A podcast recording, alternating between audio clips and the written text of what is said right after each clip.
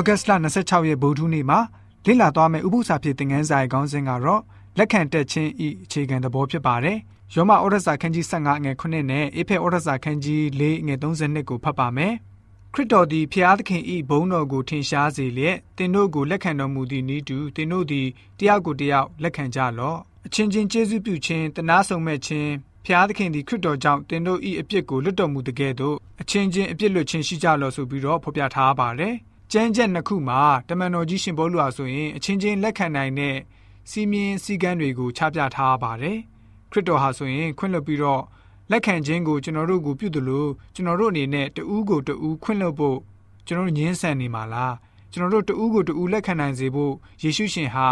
အရင်ဆုံးကျွန်တော်တို့ကိုလက်ခံတော်မူခဲ့ပါတယ်။နာကျင်စေခဲ့တဲ့အမာယုတ်ကိုစီရှိနေသည့်တိုင်ခွင့်လွှတ်ပေးကြဖို့ဥပမာပြပေးခဲ့ပါတယ်။ ကျွန်တော်တို့အနေနဲ့ကျွန်တော်တို့ပြုလုပ်ခဲ့တဲ့ကမောက်ကမဖြစ်ခဲ့တဲ့အကြောင်းအရာတွေရှိမှဖြစ်ပါတယ်ကျွန်တော်တို့တူးတဲ့သာသိနေကောင်းသိနေပါလိမ့်မယ်တခြားသူတွေသိမှာကိုမလိုလားတာလည်းပဲရှိပါလိမ့်မယ်သို့တော့ကျွန်တော်တို့ရဲ့အကြောင်းကိုအလုံးစုံသိတော်မူတဲ့ဖျားရှင်ဟာဆိုရင်အခြားသူတွေမသိတဲ့ကျွန်တော်တို့ရဲ့အကြောင်းကိုသိတော်မူပြီးတော့ကျွန်တော်တို့ရဲ့ယုံကြည်ခြင်းကြောင့်ကျွန်တော်တို့ကို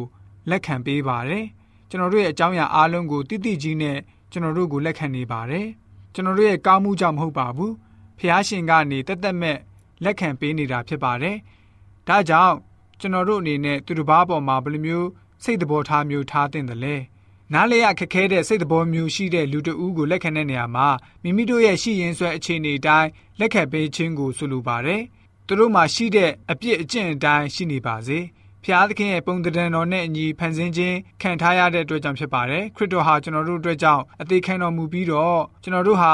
အပြစ်သားတွေဖြစ်နေစဉ်မှာပဲဖျားရှင်စီကိုပို့ဆောင်ပေးတယ်ဆိုတာကိုတွေ့ရပါတယ်။ကျွန်တော်တို့ကိုချစ်တဲ့ဖျားရှင်ရဲ့မေတ္တာတော်ဟာကျွန်တော်တို့ရဲ့အပြစ်ကိုခွင့်လွှတ်ပေးဖို့နဲ့ပြန်လည်လက်ခံပေးဖို့ဖြစ်တယ်လို့ကျွန်တော်တို့ဟာလည်းပဲအခြားသူကိုလက်ခံခွင့်လွှတ်ကြရမှာပဲဖြစ်ပါတယ်။တခြင်းတစ်ခါလက်ခံပေးခြင်းအပြင်ရိုင်းမင်းကူညီခြင်းကိုစတင်တည်ဆောက်ပြီးဖြစ်ပါတယ်။နှုတ်ကပတ်တော်ကအမှန်တရားကိုချစ်ဖွယ်ကောင်းတဲ့မေတ္တာနဲ့ရင်ဆိုင်သွားဖို့လိုပါတယ်။အဲ့လိုမျိုးမလုပ်ဆောင်ဘူးဆိုလို့ရှိရင်တော့ မေတ္တာရှိထားခြင်းကိုလစ်လူရှုခြင်းပဲဖြစ်ပါတယ်။မိတ်ဆွေရင်းလိုအသက်တာပြောင်းလဲခြင်းအကြောင်းကိုဝင်ခပြီးတော့သာရအမှန်တရားကိုအတူတကွ